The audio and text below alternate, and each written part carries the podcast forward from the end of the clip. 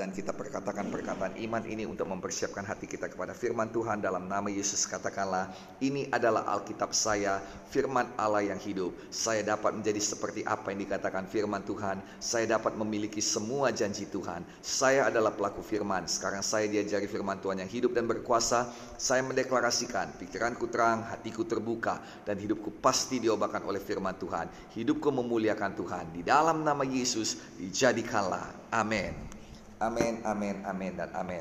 Adik-adikku, pemuda-pemudi yang dikasih oleh Tuhan Yesus Kristus, hari ini kita melihat bagaimana agar kita aktif di dalam Tuhan, agar kita tidak pasif, agar kita tidak tertekan, dan agar kita tidak takut di dalam hidup ini.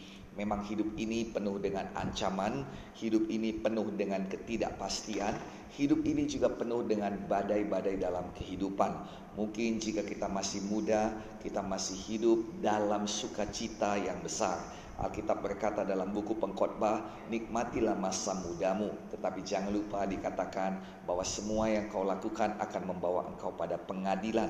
Saya percaya bahwa anak muda bisa menikmati hidup tanpa harus melakukan dosa bahwa memang ada kenikmatan dosa, tetapi bayaran daripada dosa itu sungguh-sungguh mematikan. Itu sebabnya kita harus mengerti bahwa dosa adalah tipu daya licik daripada iblis. Kenikmatan yang sesungguhnya ada di dalam Tuhan. Karena kenikmatan dari Tuhan bukan hanya pada waktu masa muda saja, tetapi itu akan membawakan pada kita kenikmatan hingga nanti kita tua, bahkan hingga nanti kita dipanggil oleh Tuhan. Itu sebabnya adik-adikku yang dikasih oleh Tuhan Yesus Kristus, kita tahu bahwa jika kita masih muda, kita memang bisa menikmati hidup tuh. Tetapi tidak berarti dalam hidup ini tidak ada tantangan, tidak ada persoalan. Dan semakin kita lama dalam hidup ini, kita mengenal ada banyak-banyak badai kehidupan. Tetapi jangan khawatir, firman Tuhan berkata bahwa semuanya itu tidak melebihi kesanggupan kita dan dalam semuanya itu Allah kita adalah Allah yang setia. Dia akan memberikan kepada kita jalan keluar. Tuhan tidak mau kita tinggal di dalam badai. Tuhan tidak mau kita hidup dalam badai. Tuhan juga tidak mau badai itu mengalahkan kita. Tuhan mau kita menang atas semua persoalan kehidupan. Tuhan mau kita menjadi pemenang-pemenang. Jadilah pemenang-pemenang. Saya berdoa semua pemuda-pemudi gereja kemenangan di Indonesia, Victorious Youth dan Faithful Youth bangun bangkit menjadi pemenang-pemenang. Ya, dunia ini akan menggores hatimu, menghancurkan hatimu dan juga akan berusaha membuat engkau trauma. Tetapi jangan sampai engkau kalah. Biarlah engkau tetap membuka hati kepada Tuhan dan biarlah engkau tetap berharap. Minggu yang lalu kita belajar mengenai harapan, bagaimana harapan itu sangat-sangat luar biasa dan harapan itu adalah senjata yang luar biasa yang diberikan Tuhan kepada kita. Jangan sampai kau kehilangan harapan. Biarlah kita selalu mempunyai harapan yang besar kepada Tuhan yang maha besar dan biarlah kita selalu memelihara iman kita bahwa dalam segala hal kita tidak akan mungkin dikalahkan. Bahwa dalam segala hal jika kita terus berusaha, jika kita terus maju, jika kita terus melakukan firman Tuhan, jika kita terus melakukan yang baik, jika kita terus tersenyum, jika kita terus bekerja keras, maka Tuhan akan membawa kemenangan kepada kita. 1 Korintus 10 ayat 13 berkata bahwa kita lebih besar daripada persoalan kita. Persoalan kita adalah persoalan yang biasa. Badai kita adalah badai yang biasa. Bahwa Andalah pemuda-pemudi yang luar biasa. Engkaulah anak muda yang dahsyat. Engkau jauh lebih kuat daripada persoalanmu dan juga tentunya Yesus ada di dalam engkau. Nah, Adik-adikku yang dikasih oleh Tuhan Yesus Kristus, sering sekali badai itu datang di dalam diri, dalam hidup kita dan kita berpikir ini adalah kesusahan. Tetapi sebenarnya badai itu datang dengan tujuan-tujuan yang baik juga. Bahwa Tuhan tidak akan mengizinkan badai itu datang tanpa tujuan yang baik. Beberapa minggu yang lalu kita mendengarkan firman Tuhan bahwa badai datang agar kita bisa memiliki kehidupan yang lebih baik lagi. Bahwa semua orang-orang yang di Alkitab pasti akan mengalami badai di dalam kehidupannya, pasti akan mengalami tantangan, pasti akan mengalami pencobaan dan juga persoalan yang besar di dalam hidupnya. Tetapi kita melihat bahwa semua tokoh-tokoh di Alkitab semuanya menjadi orang-orang yang jauh lebih baik, jauh lebih diberkati, jauh lebih daripada sebelumnya ketika mereka selesai atau melewati semua badai-badai kehidupan mereka. Kita melihat bagaimana Yusuf dikhianati terus-menerus, mulai daripada dikhianati saudara-saudarinya, kemudian dikhianati oleh orang yang ditolongnya, dan kemudian dikhianati bahkan di penjara sekalipun. Tetapi hal itu tidak terus-menerus demikian. Badai di dalam hidup kita tidak akan tetap tinggal di dalam hidup kita. Semua badai itu pasti berlalu dan ketika kita melewati badai itu ada kehidupan yang lebih baik yang disediakan Tuhan kepada pemuda-pemudi Victorious Youth dan Faithful Youth. Ada kehidupan yang lebih baik disediakan Tuhan kepada saya dan kepada saudara sekalian. Karena kita melihat bahwa Yusuf tidak tetap menjadi budak. Yusuf tidak tetap dikhianati, dia diangkat Tuhan pada waktunya menjadi perdana menteri kerajaan yang sangat besar pada waktu itu. Saya percaya ada pengangkatan dari Tuhan kepada saudara-saudari sekalian. Saya percaya bahwa pemuda-pemudi bisa diangkat Tuhan. Alkitab berkata, "Janganlah orang menganggap engkau rendah karena engkau muda." Artinya apa? Bahwa ketika engkau muda sudah ada pencapaianmu. Ketika engkau muda sudah ada buahmu. Ketika engkau muda sudah ada hasil karyamu. Saya berdoa pemuda-pemudi Gereja Kemenangan Indonesia, Victorious Youth dan Faithful Youth semuanya berkarya, berbuah dan memuliakan Tuhan. Nah, Bapak Ibu saudara-saudari apabila ada di sini Bapak Ibu yang ikut menonton, kami sangat menghormati Amang dan Inang. Biarlah hari ini juga kita semua diberkati oleh Tuhan. Anak-anakku, adik-adikku yang dikasih oleh Tuhan Yesus Kristus, mari kita buka Alkitab kita dari Injil Markus pasal 4 ayat 35 sampai 41. Katakan di sini saudara, pada hari itu waktu hari sudah petang, Yesus berkata kepada mereka, "Marilah kita bertolak ke seberang." Mereka meninggalkan orang banyak itu lalu bertolak dan membawa Yesus beserta dengan mereka dalam perahu di mana Yesus telah duduk dan perahu-perahu lain juga menyertai dia. Lalu mengamuklah taufan yang sangat dahsyat dan ombak menyembur masuk ke dalam perahu sehingga perahu itu mulai penuh dengan air. Pada waktu itu Yesus sedang tidur di buritan di sebuah tilam. Maka murid-muridnya membangunkan dia dan berkata kepadanya, Guru, engkau tidak peduli kalau kita binasa. Ia pun bangun menghardik angin itu dan berkata kepada danau itu, Diam, tenanglah. Lalu angin itu pun reda dan danau itu menjadi teduh sekali. Lalu ia berkata kepada mereka, Mengapa kamu begitu takut? Mengapa kamu tidak percaya? Mereka menjadi sangat takut dan berkata kepada seorang kepada yang lain, Siapa gerangan orang ini? Sehingga angin dan danau pun taat kepadanya. Nah, Adik-adikku yang dikasih oleh Tuhan Yesus Kristus, cerita ini mengambil beberapa perkara yang penting di dalam kehidupan kita. Dikatakan saudara bahwa mereka mengikuti perintah Tuhan Yesus yang berkata, marilah kita bertolak ke seberang. Tuhan Yesus berkata, marilah kita pergi, marilah kita bertolak ke seberang. Nah saudara yang kasih dalam nama Tuhan Yesus Kristus, kita percaya bahwa semua perintah Tuhan benar adanya dan ketika Tuhan memerintahkan itu kita harus patuh. Kita melihat dalam cerita ini murid-murid patuh kepada firman Tuhan. Tetapi di tengah jalan ketika mereka melaksanakan firman ada badai yang datang di dalam kehidupan mereka. Ada badai yang datang untuk menghantam perahu mereka sehingga perahu mereka hampir tenggelam. Nah, adik-adikku yang dikasih oleh Tuhan Yesus Kristus, kita harus tahu bahwa dalam pengikutan kita kepada Tuhan bukan berarti tidak ada badai, tidak ada persoalan. Karena ada banyak orang-orang yang selalu berkata bahwa oh kalau kau ikut Tuhan maka engkau tidak akan ada persoalan lagi. Itu adalah ajaran yang sesat dan teologi yang salah. Walaupun kita mengikut Tuhan, kita tetap ada persoalan.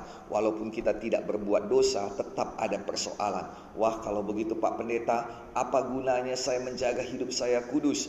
Apa gunanya saya menolak segala godaan-godaan dalam dunia ini? Apa gunanya saya taat beribadah? Toh kalaupun saya taat beribadah, kalaupun saya menjaga hidup kudus tetap juga punya permasalahan. Nah dengarkan baik-baik. Bedanya ialah bahwa apabila kita menjaga hidup kudus, apabila kita mematuhi firman Tuhan, maka ketika badai datang, ketika ada masalah datang, maka ada firman bersama-sama dengan kita, ada Yesus bersama-sama dengan kita, dan Tuhan Yesus itulah yang menghentikan badai di dalam kehidupan kita. Orang orang-orang yang berdosa, orang-orang yang jatuh ke dalam pencobaan, orang-orang yang tidak memiliki Yesus, dia akan tenggelam di dalam badai kehidupannya. Itu sebabnya kita melihat ada banyak pemuda-pemudi yang bunuh diri, yang juga bangkrut dalam usahanya, yang tidak sampai kepada masa depan yang sudah disediakan Tuhan padanya, dan tetap ada di dalam dosa-dosanya. Mengapa? Karena mereka tidak memiliki Yesus, dan karena mereka menghadapi badai ini tanpa Yesus di dalam hati mereka.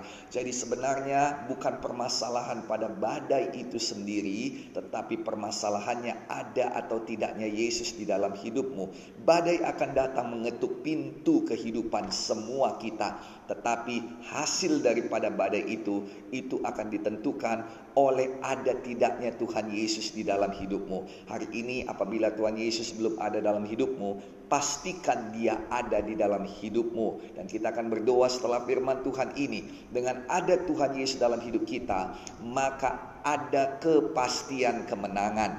Inilah perbedaan antara orang-orang yang ikut mengikuti firman Tuhan. Kita melihat saudara bahwa murid-murid mengikuti firman Tuhan, badai memang datang di dalam kehidupan mereka, tetapi Tuhan ada untuk menghentikan badai di dalam kehidupan mereka. Nah, ada lagi yang berkata saudara bahwa seseorang yang penuh roh kudus itu akan dilepaskan Tuhan daripada segala persoalan dan tidak akan ada persoalan di dalam hidup mereka. Itu juga adalah satu pengajaran yang salah dan juga itu bukan satu teologi yang benar. Nah, Bapak Ibu Saudara-saudari kita melihat di dalam Alkitab bahwa Nabi Yehezkiel yang penuh dengan Roh Kudus tidak dibawa Tuhan ke atas puncak gunung yang megah, tetapi dibawa Tuhan ke lembah yang penuh dengan tulang-tulang kering. Dalam buku Yeskiel pasal 37 jelas dikatakan bahwa Roh Kudus sendiri yang membawa Yeskiel ke sana. Dan dalam Lukas pasal 4 juga diterangkan bahwa Roh Kuduslah yang membawa Yesus ke padang gurun untuk dicobai. Nah, Bapak Ibu Saudara-saudari, ya, victorious youth dan faithful youth. Kalau kita penuh Roh Kudus, bukan berarti kita akan dibawakan kepada berkat-berkat Tuhan saja, kepada tempat-tempat yang luar biasa, kepada kemuliaan dan kehebatan pekerjaan Tuhan saja. Ya, semua itu pasti akan kita kita dapati. Semuanya itu pasti akan memenuhi hidup kita jika kita penuh Roh Kudus. Tetapi Roh Kudus juga membawa kita ke lembah tulang-tulang kering. Tetapi itu bukan untuk menghancurkan kita, tetapi karena kita penuh dengan Roh Kudus, maka Roh Kudus yang ada di dalam kita mau difungsikan Tuhan untuk mengubahkan situasi dan keadaan di sekeliling kita. Adalah karena Yehezkiel yang penuh dengan Roh Kudus, maka lembah yang penuh dengan tulang-tulang kering itu berubah menjadi lembah yang penuh dengan bala tentara Tuhan yang luar biasa. Tulang-tulang kering itu dibangkitkan, dibangunkan untuk menjadi bala tentara Tuhan yang luar biasa. Oleh karena itu pemuda-pemudi penuhlah dengan roh kudus. Memang roh kudus akan membawa saudara kepada badai-badai dalam kehidupan. Tetapi semuanya itu bukan ditujukan untuk menenggelamkan masa depanmu. Bukan ditujukan untuk menenggelamkan kehidupanmu. Tetapi itu ditujukan agar engkau boleh menjadi berkat bagi sekelilingmu. Agar engkau boleh mengubahkan keluargamu. Adalah pemuda pemudi yang penuh dengan Roh Kudus dipakai oleh Tuhan untuk boleh mengubahkan negara negara kita dan itu semua dimulai daripada pekerjaan yang kecil. Apabila kita setia pada pekerjaan yang kecil, maka Tuhan akan memberkati kita untuk bisa memberkati yang lebih besar lagi. Mari kita setia untuk dapat mengubahkan hidup kita terlebih dahulu. Dan Tuhan akan membawa kita untuk dapat memberkati keluarga kita. Dan dari situ Tuhan akan membawa kita untuk dapat mengubahkan sekeliling kita. Dan saya berdoa bahwa hari ini saya membawakan firman Tuhan kepada pemuda-pemudi luar yang luar biasa. Yang menjadi pengubah-pengubah dunia. Yang menjadi pembuat-pembuat sejarah. Baik di Indonesia maupun di dunia ini. Yang memberkati sampai kepada bangsa-bangsa. Saya berdoa kiranya itu dijadikan untuk kemudian kemuliaan Tuhan di dalam nama Tuhan Yesus Kristus. Nah, ketika permasalahan datang, ketika badai datang di dalam hidup kita, maka itu akan membawakan dua hal kepada kita. Sering sekali terjadi dua hal. Yang pertama sekali saudara-saudari adalah bahwa itu menguji kita dan menunjukkan siapa kita sebenarnya. Nah, sering sekali badai-badai ini di dalam kehidupan kita menunjukkan apakah kita orang yang kuat atau tidak. Apakah masih ada yang harus diobahkan di dalam diri kita. Itu membawakan keaslian daripada diri kita. Sering sekali kita memakai topeng-topeng dalam kehidupan. Jika kehidupan kita ini enak adanya, baik adanya. Kita memakai senyum dan kita juga memakai tawa yang sebenarnya bukan itu diri kita tetapi ketika badai datang, maka sesungguhnya karakter kita sebenarnya akan kelihatan. Seberapa kuat, seberapa kelat, seberapa hitam satu kantongan teh tidak dapat dilihat hanya dengan menciumnya, hanya dengan memperhatikannya. Tetapi satu kantongan teh dapat dilihat seberapa kuat, seberapa wangi, seberapa hitam, seberapa kelatnya dengan cara mencelupkannya ke dalam air panas. Di situ kita akan melihat apa yang dijadikannya, apa yang terjadi padanya, dan apa yang menjadi buah daripadanya. Demikian juga dengan hidup manusia, apabila hanya dilihat dari luar, tidak akan ketahuan seberapa kuat dia, seberapa yang menjadi karakternya. Tetapi ketika diperhadapkan kepada badai, di situ dilihat apakah dia orangnya yang tangguh, apakah dia orangnya pemarah, apakah dia orangnya pendendam. Dan memang Tuhan memakai badai kehidupan ini untuk dapat menunjukkan siapa diri kita sebenarnya, bukan untuk mempermalukan kita, tetapi agar kita sadar akan siapa diri kita dan kita bisa berubah semakin lama semakin baik karena tidak ada perubahan tanpa ada kesadaran. Jadi baiklah memang ada badai di dalam dunia ini seperti kita sedang menghadapi krisis keuangan, krisis moneter dan juga krisis kesehatan. Nah, saudara, ada banyak orang sebelum dia terkena virus corona, dia berkoar-koar, dia berkata-kata seolah-olah dia kebal akan virus corona, dia bahkan menentang pemerintah. Tetapi ketika dia terinfeksi virus corona dan dinyatakan positif, maka dia kehilangan saudara semua keberaniannya, bahkan dia tidak berkata-kata lagi, bahkan minta doa agar orang lain mendoakan dia agar dia disembuhkan. Nah, sebenarnya saudara yang tadinya dia itu begitu vulgar, begitu vokal untuk dapat menentang pemerintah dan juga untuk dapat menyuarakan keberaniannya itu semuanya adalah palsu. Bahwa sebenarnya dia juga adalah seorang yang penakut. Dan sebenarnya saudara dia juga perlu berubah. Nah, saudara ada juga orang yang begitu sombong ketika dia memiliki pekerjaan, tetapi karena badai krisis ini dia dipecat dari pekerjaannya, maka mulai kelihatan bahwa dia sebenarnya mungkin adalah seorang yang mudah putus asa, bahwa mungkin sebenarnya adalah seorang yang pemarah, mungkin seorang yang tidak tahu berterima kasih, maka semua keburukan-keburukan sifat itu boleh kelihatan, bukan untuk mempermalukan kita, tetapi Tuhan berkata itu harus kita kerjakan, harus kita atasi supaya ke depannya kita boleh bangun dan bangkit menjadi manusia-manusia yang lebih baik lagi, manusia-manusia yang lebih unggul dan manusia-manusia yang memberkati sekeliling kita. Jadi kita harus tahu bahwa dalam badai ini kita tidak boleh hanya tinggal seperti hanya hanya tertekan saja. Tapi badai ini juga membawakan kepada kita pengertian-pengertian bahwa ada yang harus diubah di dalam kehidupan kita. Nah badai yang datang dalam kehidupan kita ini juga sering sekali mengubah fokus kehidupan kita.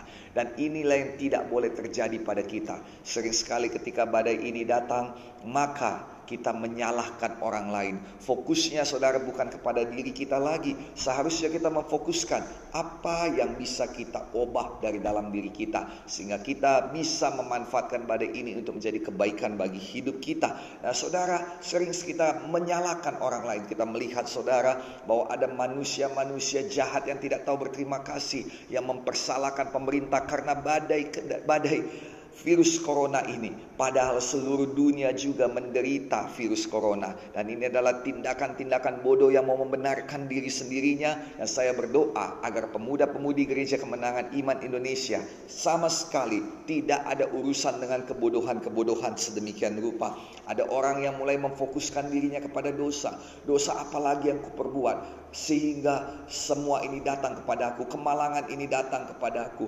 Dan PHK ini datang padaku. Tenang anakku bahwa dosa sudah ada obatnya. Darah Yesus obatnya. Dan lagi pula bukan hanya engkau sendirian yang di, di PHK.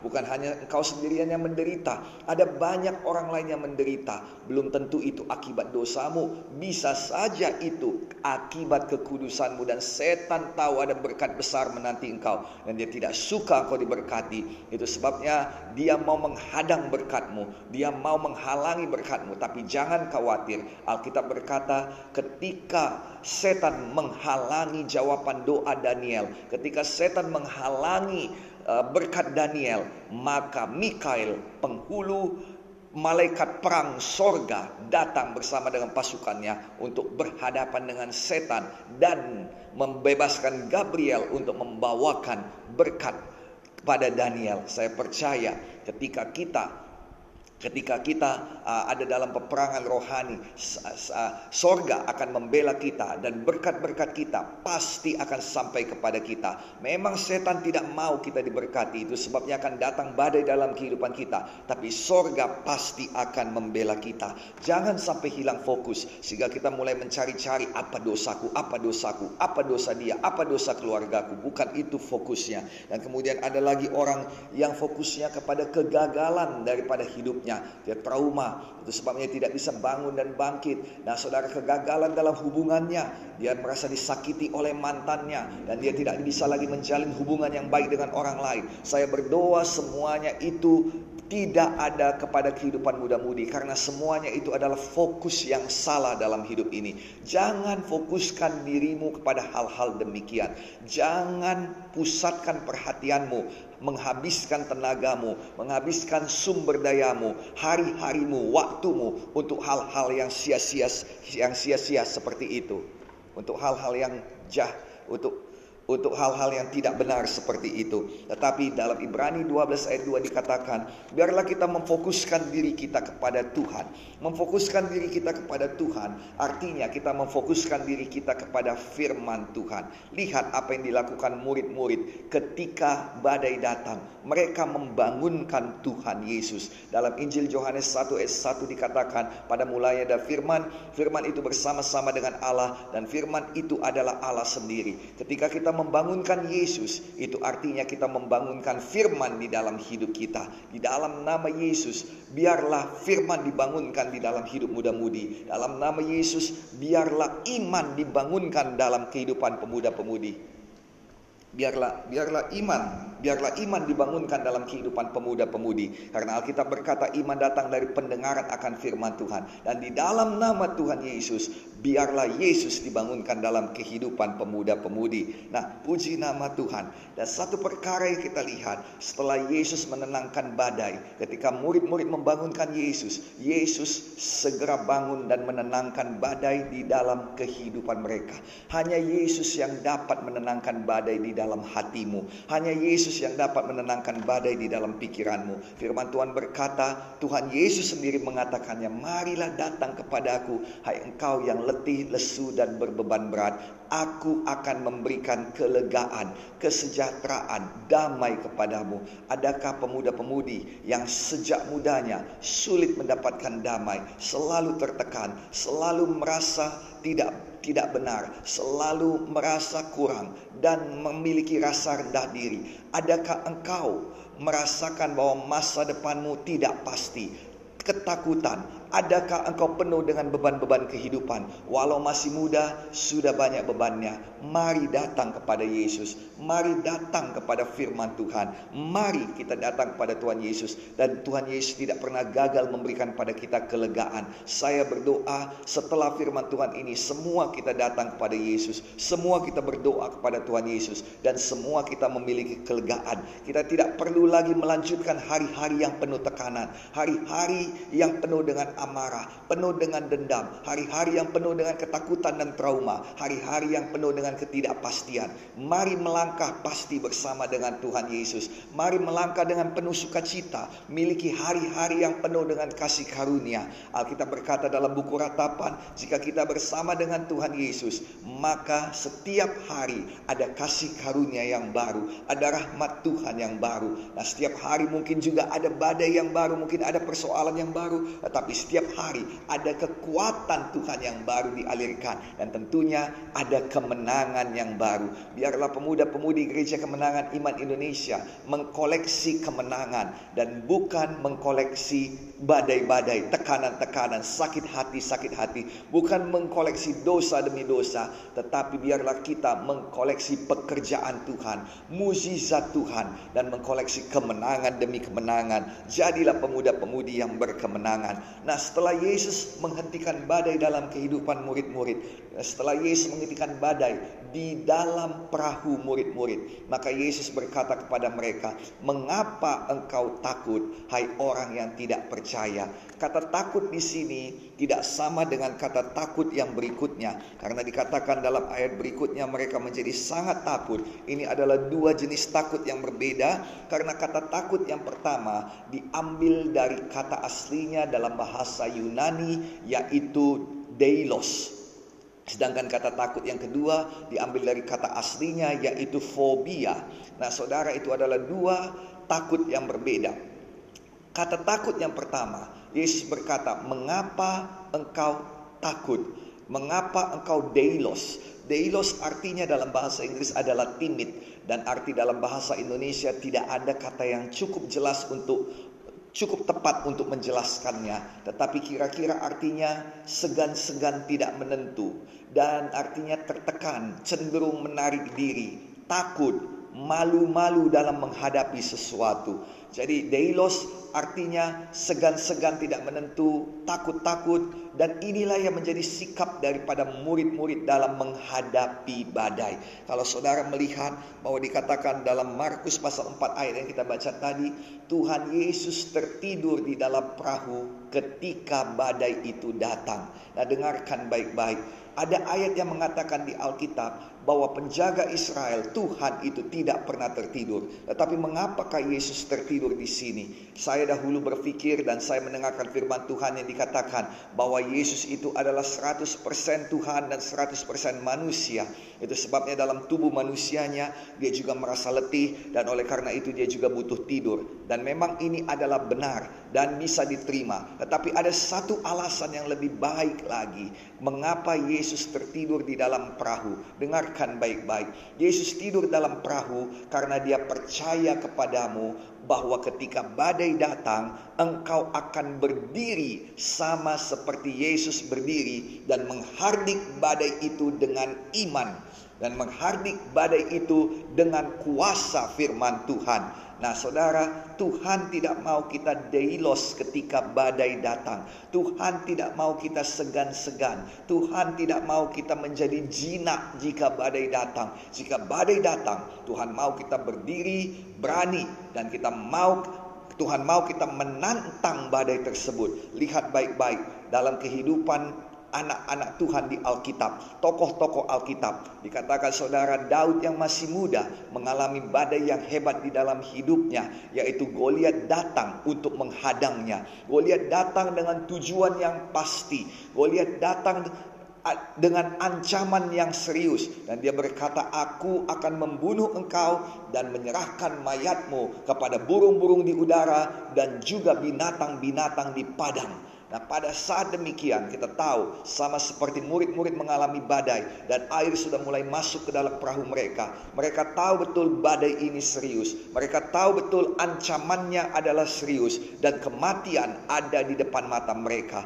Ya kita melihat bahwa dari firman Tuhan bahwa Daud melihat bahwa Goliat adalah ancaman yang serius dan kematian ada di depan mata Daud. Tetapi Daud tidak deilos, Daud tidak takut, Daud tidak segan-segan, Daud tidak malu-malu, Daud tidak cenderung menarik diri. Daud malah menjawab Goliat dengan berani dia berkata, "Aku datang menghadapi engkau di dalam nama Allah di atas segala Allah, Allah barisan Israel yang kau hina itu. Bukan aku yang mati, tetapi pada hari ini aku akan membunuh engkau dan menyerahkan mayatmu ke kepada burung-burung di udara dan juga binatang-binatang di padang. Dia tidak menerima perkataan Goliat. Dia tidak menerima badai-badai itu begitu saja di dalam hidupnya. Dia tidak menerima ancaman setan begitu saja di dalam hidupnya. Dia bangun bangkit dengan iman sesuai dengan firman Tuhan dan dia maju dan dia menang. Mengapa Yesus tertidur? Karena memang ini seharusnya menjadi bagian kita orang-orang yang percaya bahwa ini seharusnya menjadi bagian daripada tindakan iman kita. Ada yang menjadi bagian kita, ada yang menjadi bagian Tuhan, dan itu sebabnya Tuhan tidak akan melakukan apa yang menjadi bagian kita. Yesus tertidur bukan berarti dia tidak peduli. Ini dilihat dari Alkitab, ketika murid-muridnya menuduh dia tidak peduli, dia segera bangun, bangkit, dan menyelesaikan persoalan itu. Ya, Yesus bisa menyelesaikan semua persoalan kita, tetapi Tuhan Yesus mau pemuda-pemudi bangun, bangkit, dan menjadi dewasa. Yesus bisa menyelesaikan semua semua masalah percintaanmu, masalah masa depanmu, masalah bisnismu, masalah hubunganmu dengan orang tua, masalah hubunganmu dengan teman-temanmu. Yesus bisa menyelesaikan semuanya itu, tetapi Dia mau engkau menjadi dewasa. Dia mau engkau yang menyelesaikannya dengan hikmat kebijaksanaan yang diberikannya kepadamu, dengan kuasa yang diserahkannya kepadamu. Alkitab berkata bahwa Yesus telah menyerahkan kekuatan, kuasa dan otoritas kepada murid-murid yaitu eksosia dan dunamis dikatakan dalam bahasa aslinya. Ada wibawa, otoritas dan juga ada kuasa yang membawakan mukjizat diserahkan kepada murid-murid dan mereka juga sudah pergi kepada orang-orang dan mempraktekkan kuasa itu dan orang-orang disembuhkan dan dan Yesus berkata, aku melihat dan ketika mereka kembali pada Yesus, mereka melaporkan bahkan setan-setan pun tunduk kepada kami di dalam nama Yesus. Di dalam namamu setan tunduk kepada kami. Dan Yesus berkata, aku melihat setan jatuh dari langit. Bukan engkau yang jatuh, tetapi setan yang jatuh. Ketika kita memakai kuasa kita, ketika kita memakai iman kita, menindakkan iman kita, ketika kita berdiri di atas perahu kehidupan kita dan kita berhadapan dengan badai kehidupan kita dan kita berkata berhenti, diam, tenanglah, diam, tenanglah pikiranku, diam, tenanglah hatiku, diam, tenanglah semua badai-badai yang mau merenggut masa depanku. Dan kita melakukannya dengan iman dan kita berdoa memperkatakan firman Tuhan melawan segala setan dan perbuatannya. Kita harus kaya oleh firman. Kita melihat bagaimana Tuhan Yesus ketika dia dicobai di padang gurun, dia tidak bertempur dengan setan dengan tangannya atau dengan senjatanya, tetapi dia menjawab setan dengan ada tertulis tertulis, ada tertulis, ada firman Tuhan. Yesus adalah firman. Yesus kaya dengan firman dan Alkitab berkata bahwa setan pun pergi meninggalkan dia. Setan tidak bisa mengalahkannya. Badai kehidupan, goncangan, temptation, godaan, apa pun itu tidak bisa mengalahkan seorang yang memakai firman Tuhan. Itu sebabnya Tuhan mau kita dewasa, Tuhan mau kita berdoa dengan memakai firman untuk membela keluarga kita, untuk membela masa depan kita, untuk berdiri di atas perahu kehidupan kita dan menghentikan badai-badai. Itu adalah bagian kita. Mengapa Yesus tertidur? Karena memang itu bukan bagiannya lagi, itu bagianmu, bagian pemuda-pemudi. Jadilah pemuda-pemudi yang tangguh, jangan jadi pemuda-pemudi yang cengeng. Ya, dunia ini akan berusaha menenggelamkan kehidupanmu, menenggelamkan masa depanmu, menenggelamkan bisnismu, menenggelamkan menenggelam, menenggelamkan usahamu, menenggelamkan semua kehidupanmu. Tetapi kita punya nama di atas segala nama. Dan kita punya Yesus bersama-sama dengan kita. Dalam Mazmur pasalnya yang ke-23 dikatakan, Sekalipun aku melewati lembah kekelaman, lembah yang sangat gelap sekalipun, aku tidak takut bahaya, sebab engkau beserta dengan aku. Kita berjalan bersama dengan Tuhan. Dan jika kita berjalan bersama dengan Tuhan, maka kita tidak boleh deilos. Inilah masanya. Pada masa-masa krisis seperti ini, kita harus maju. Kita tidak mungkin menang tanpa menyerang. Kalau saudara tahu permainan sepak bola, kalau saudara tahu permainan tinju, maka kita tahu tidak mungkin seorang menang tanpa menyerang. Tidak mungkin satu tim menang tanpa menyerang. Mungkin kita mempunyai pertahanan yang sangat baik. Mungkin kita adalah petinju yang mempunyai otot yang sangat kuat, daya tahan tubuh yang sangat kuat, dan pertahanan double cover yang sangat baik. Tetapi tetapi lawan kita masalah iblis, setan, antek-anteknya terus menerus menghujani pukulan pada kita. Memang kita tahan dengan perisai iman, kita tahan dengan perisai iman dan kita tahan, kita tahan, tetapi kita tidak pernah maju memukul dengan firman Tuhan, tidak pernah maju memukul dengan pedang roh yaitu firman Tuhan. Maka saudara setan pasti akan menang karena dalam tinju ada peraturan di mana dikatakan kita bisa mendapatkan angka yang lebih karena agresivitas. Setan sangat agresif pada akhir zaman ini. Kita melihat bahwa dia pukul. Seluruh dunia dia pukul dengan virus corona. Dan kemudian dia sekarang mulai memukul seluruh dunia dengan krisis moneter. Dengan krisis ekonomi. Dengan krisis keuangan. Ada banyak persoalan di dunia ini. Orang-orang menderita sakit. Oh, rumah tangga-rumah tangga pecah. Setan begitu agresif. Dan kalau kita deilos, malu-malu, jinak. Kalau kita itu cenderung menarik diri, maka kita pasti kalah saat ini mudah-mudah dipanggil oleh Tuhan untuk menang dan untuk membawakan kemenangan bagi orang lain juga.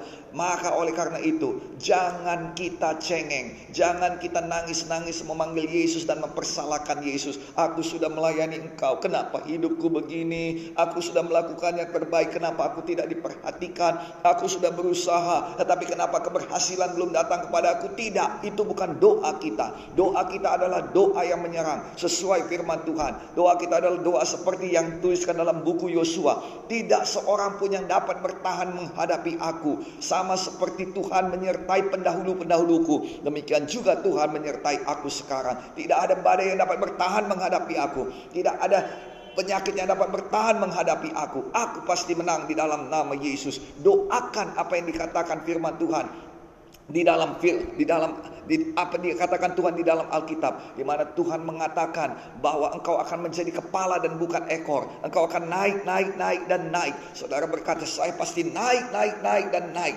Ketika badai ini datang maka aku akan menjadi seperti burung raja wali yang mengembangkan sayapnya dan kemudian akan naik terbang tinggi di atas badai. Saya ada di atas badai kehidupan. Bukan badai yang menimpa saya saya ada di atas mereka. Perkatakan firman Tuhan jangan deilos Jangan punya doa yang yang yang cengeng. Oh Tuhan, kalau Engkau tidak tolong matilah kami. Kalau Engkau tidak kasih pekerjaan matilah nggak ada makanan kami. Bukan demikian. Kita berdoa, doa yang penuh dengan iman. Kita berdoa, doa yang sesuai dengan firman Tuhan. Itu sebabnya adik-adikku, inilah saat di mana kita harus berani, harus penuh dengan firman, harus penuh dengan iman, harus menyerang, harus memukul kembali. Ini tidak saatnya menjadi deilos. Jadi takut tidak. Itu sebabnya Tuhan berkata kepada murid-murid Tuhan ajari. Mengapa kamu deilos? Kamu orang yang tidak percaya kalau kita percaya pada firman, kalau kita percaya pada janji Tuhan, di mana dikatakan dalam buku bilangan, Allah itu berjanji dia tidak pernah bohong, dia tidak bisa bohong, dia tidak mampu bohong, dan dia tidak akan bohong. Setiap kali dia berkata-kata, pastilah akan dilaksanakannya. Setiap kali dia berjanji, anggaplah itu selesai karena memang pasti akan diselesaikannya. Tuhan kita tidak pernah bohong, firman-Nya begitu kuat. Dan saudara kasih dalam nama Yesus lebih kuat daripada langit dan bumi ini. Dikatakan langit dan bumi akan berlalu, tetapi janjiku tidak akan berlalu. Nah, saudara, Pegang terus firman Tuhan. Ini saatnya pemuda-pemudi jadi berkat. Ini bukan saatnya pemuda-pemudi jadi takut. Tapi saya ingatkan juga yang namanya berani bukan berarti gegabah. Yang namanya berani bukan berarti tanpa perhitungan. Yang namanya berani bukan berarti sembrono. Itu sebabnya saudara harus juga berhikmat Firman Tuhan adalah sumber iman, tetapi firman Tuhan juga adalah sumber hikmat. Mari sama-sama kita dengar firman, jadi pelaku firman dan sama-sama kita perkaya diri kita oleh firman. Kita penuhi hati kita oleh firman. Mari sama-sama kita menang. Sama-sama kita menjadi berkat. Sama-sama kita membawa kemenangan kepada keluarga kita. Sama-sama kita membawa kemenangan kepada sekeliling kita. Saya berdoa itu dijadikan untuk kemuliaan Tuhan di dalam nama Tuhan Yesus Kristus. Adik-adikku yang dikasih oleh Tuhan Yesus Kristus, tadi sudah kita katakan bahwa ini saatnya kita boleh datang kepada Tuhan dan meminta Tuhan Yesus masuk di dalam hati kita. Ini saatnya kita datang kepada Tuhan merendahkan hati dan meminta Tuhan untuk bersama-sama dengan kehidupan kita. Karena firman Tuhan berkata bersama-sama dengan Tuhan kita pasti menang. Kita melihat dalam firman Tuhan tadi bahwa ketika murid-murid membawa Yesus bersama-sama dengan mereka, bahwa ada kepastian kemenangan. Badai memang datang, tetapi ada Yesus yang menghentikan badai dalam kehidupan mereka. Apakah hidupmu penuh badai? Apakah engkau merasa bahwa engkau orang berdosa? Apakah engkau merasa bahwa engkau orang yang tidak akan masuk sorga, bahwa engkau tidak layak akan sorga, maka inilah marilah sama-sama kita berdoa agar Tuhan Yesus mengampuni dosa dan memberikan kepastian keselamatan kepada kita. Kepastian bahwa sorga yang kekal menjadi milik kita. Mari sama-sama kita buka hati kita, kita buka hati kita sebagai tanda kita membuka hati, kita taruh tangan kiri kita di dada dan angkatlah tangan kanan saudara ke kepada Tuhan sebagai tanda kita memanggil Tuhan. Mari sama-sama doakan doa ini dengan sepenuh hati dalam nama Yesus. Katakanlah, "Oh Tuhan Yesus, saya percaya kepadamu. Saya butuh Engkau. Masuklah ke dalam hati saya. Jadilah Tuhan dan juru selamat saya. Penolong dan penebus saya. Ampunilah dosa-dosa saya. Sucikanlah saya dengan darah Yesus. Mulai saat ini saya lahir baru dan menjadi anak Bapa Sorgawi. Saya ikut Tuhan Yesus seumur hidup saya. Di dalam nama Tuhan Yesus, saya lahir baru. Di dalam nama Yesus, saya berdoa. Terima kasih Tuhan. sama-sama kita yang percaya kita berkata, Amin, Amin, Amin, Amin, dan Amin. Adik-adikku yang dikasih oleh Tuhan Yesus Kristus, saya pendeta Gideon Munte Gembala Sidang saudara-saudari sekalian mau meneguhkan kita semua apabila kita sudah mendoakan doa ini dengan sepenuh hati. Firman Tuhan berkata kita sudah lahir baru dan lahir baru itu artinya roh kita dilahirkan oleh Roh Kudus dan jadi anak-anak Bapa Sorgawi. Ada empat hal yang harus kita lakukan ketika kita lahir baru. Yang pertama sekali Alkitab berkata dalam Injil Markus pasal 16 ayat 16, berikanlah dirimu dibaptis sebab barang siapa yang percaya dan dibaptis dia diselamatkan. Tadi kita sudah berdoa dengan penuh iman itu menunjukkan iman percaya kita, tetapi kita perlu dibaptis. Gereja Kemenangan Indonesia akan mengadakan baptisan air pada hari Minggu terakhir setiap bulannya. Waktu dan tempatnya akan diberitahukan pada saudara melalui seluruh sosial media Gereja Kemenangan Indonesia dan akan segera dibuka pendaftaran untuk itu. Dan karena masa-masa Covid ini kita tidak bisa membaptis sebanyak dahulu. Dan saudara dahulu kita membaptis ratusan orang setiap bulannya, tetapi karena masa Covid ini kita membatasi sampai antara antara 30 sampai 40 orang saja. Dan ini pun kita lakukan dalam dua gelombang dengan melaksanakan protokol kesehatan yang ketat. Jadi saudara-saudari tidak perlu khawatir mengenai itu dan kita sama-sama percaya Tuhan melindungi kita daripada segala penyakit atau virus corona apabila kita melakukan bagian kita. Nah, oleh karena itu lihatlah sosial media kita dan di sana saudara akan diberitahukan kapan waktu baptisan. Yang kedua, bahwa roh kita yang baru lahir ini perlu makanan rohani agar boleh bertumbuh dan menjadi sehat, kuat, dewasa. Apabila roh kita memiliki makanan rohani yang kuat, yang yang cukup, maka dia menjadi kuat dan tidak mudah dikalahkan oleh setan. Nah, saudara-saudari, adik-adikku dikasih oleh Tuhan Yesus Kristus, Alkitab mengatakan bahwa makanan rohani kita adalah firman Tuhan. Itu sebabnya bacalah firman Tuhan dan juga dengarkanlah khotbah-khotbah dari dari hamba-hamba Tuhan yang dipakai Tuhan secara luar biasa. Dan untuk itu saya undang saudara-saudari untuk boleh browsing kita punya YouTube channel dan juga kita punya Facebook channel dan juga Instagram saya saudara karena di situ ada banyak sekali firman Tuhan yang pasti akan memberkati saudara. Firman Tuhan yang dibawa oleh hamba-hamba Tuhan yang luar biasa yang pasti akan memberkati hidup saudara. Nah saudara-saudari dikasih oleh Tuhan Yesus Kristus yang ketiga bahwa semua kita yang hidup harus bernafas. Demikian juga roh kita yang lahir baru perlu bernafas. Nafas daripada roh kita adalah doa. Disiplinlah diri kita untuk berdoa. Dan yang terakhir saudara, bahwa setiap yang lahir mempunyai keluarga. Dalam hal ini, roh kita juga memiliki keluarga agar bisa saling meneguhkan, saling memberkati, dan kita boleh bersama-sama mendapat naungan dalam rumah kita. Dalam hal ini, kami semua yang ada di sini, saya gembala sidang saudara-saudari sekalian dengan sukacita menyambut adik-adikku ini, menyambut saudara-saudari, menyambut bapak ibu, saudara ya apabila ada kami mau menyambut semuanya. Selamat datang di Gereja Kemenangan Indonesia, di rumah kita dan juga di keluarga Allah. Gereja Kemenangan Iman Indonesia. Mari sama-sama kita merasakan kasih dan kuasa Tuhan. Mari sama-sama kita membangun sidang Tuhan dan mari sama-sama kita melayani Tuhan. Tuhan Yesus kiranya memberkati kita semuanya.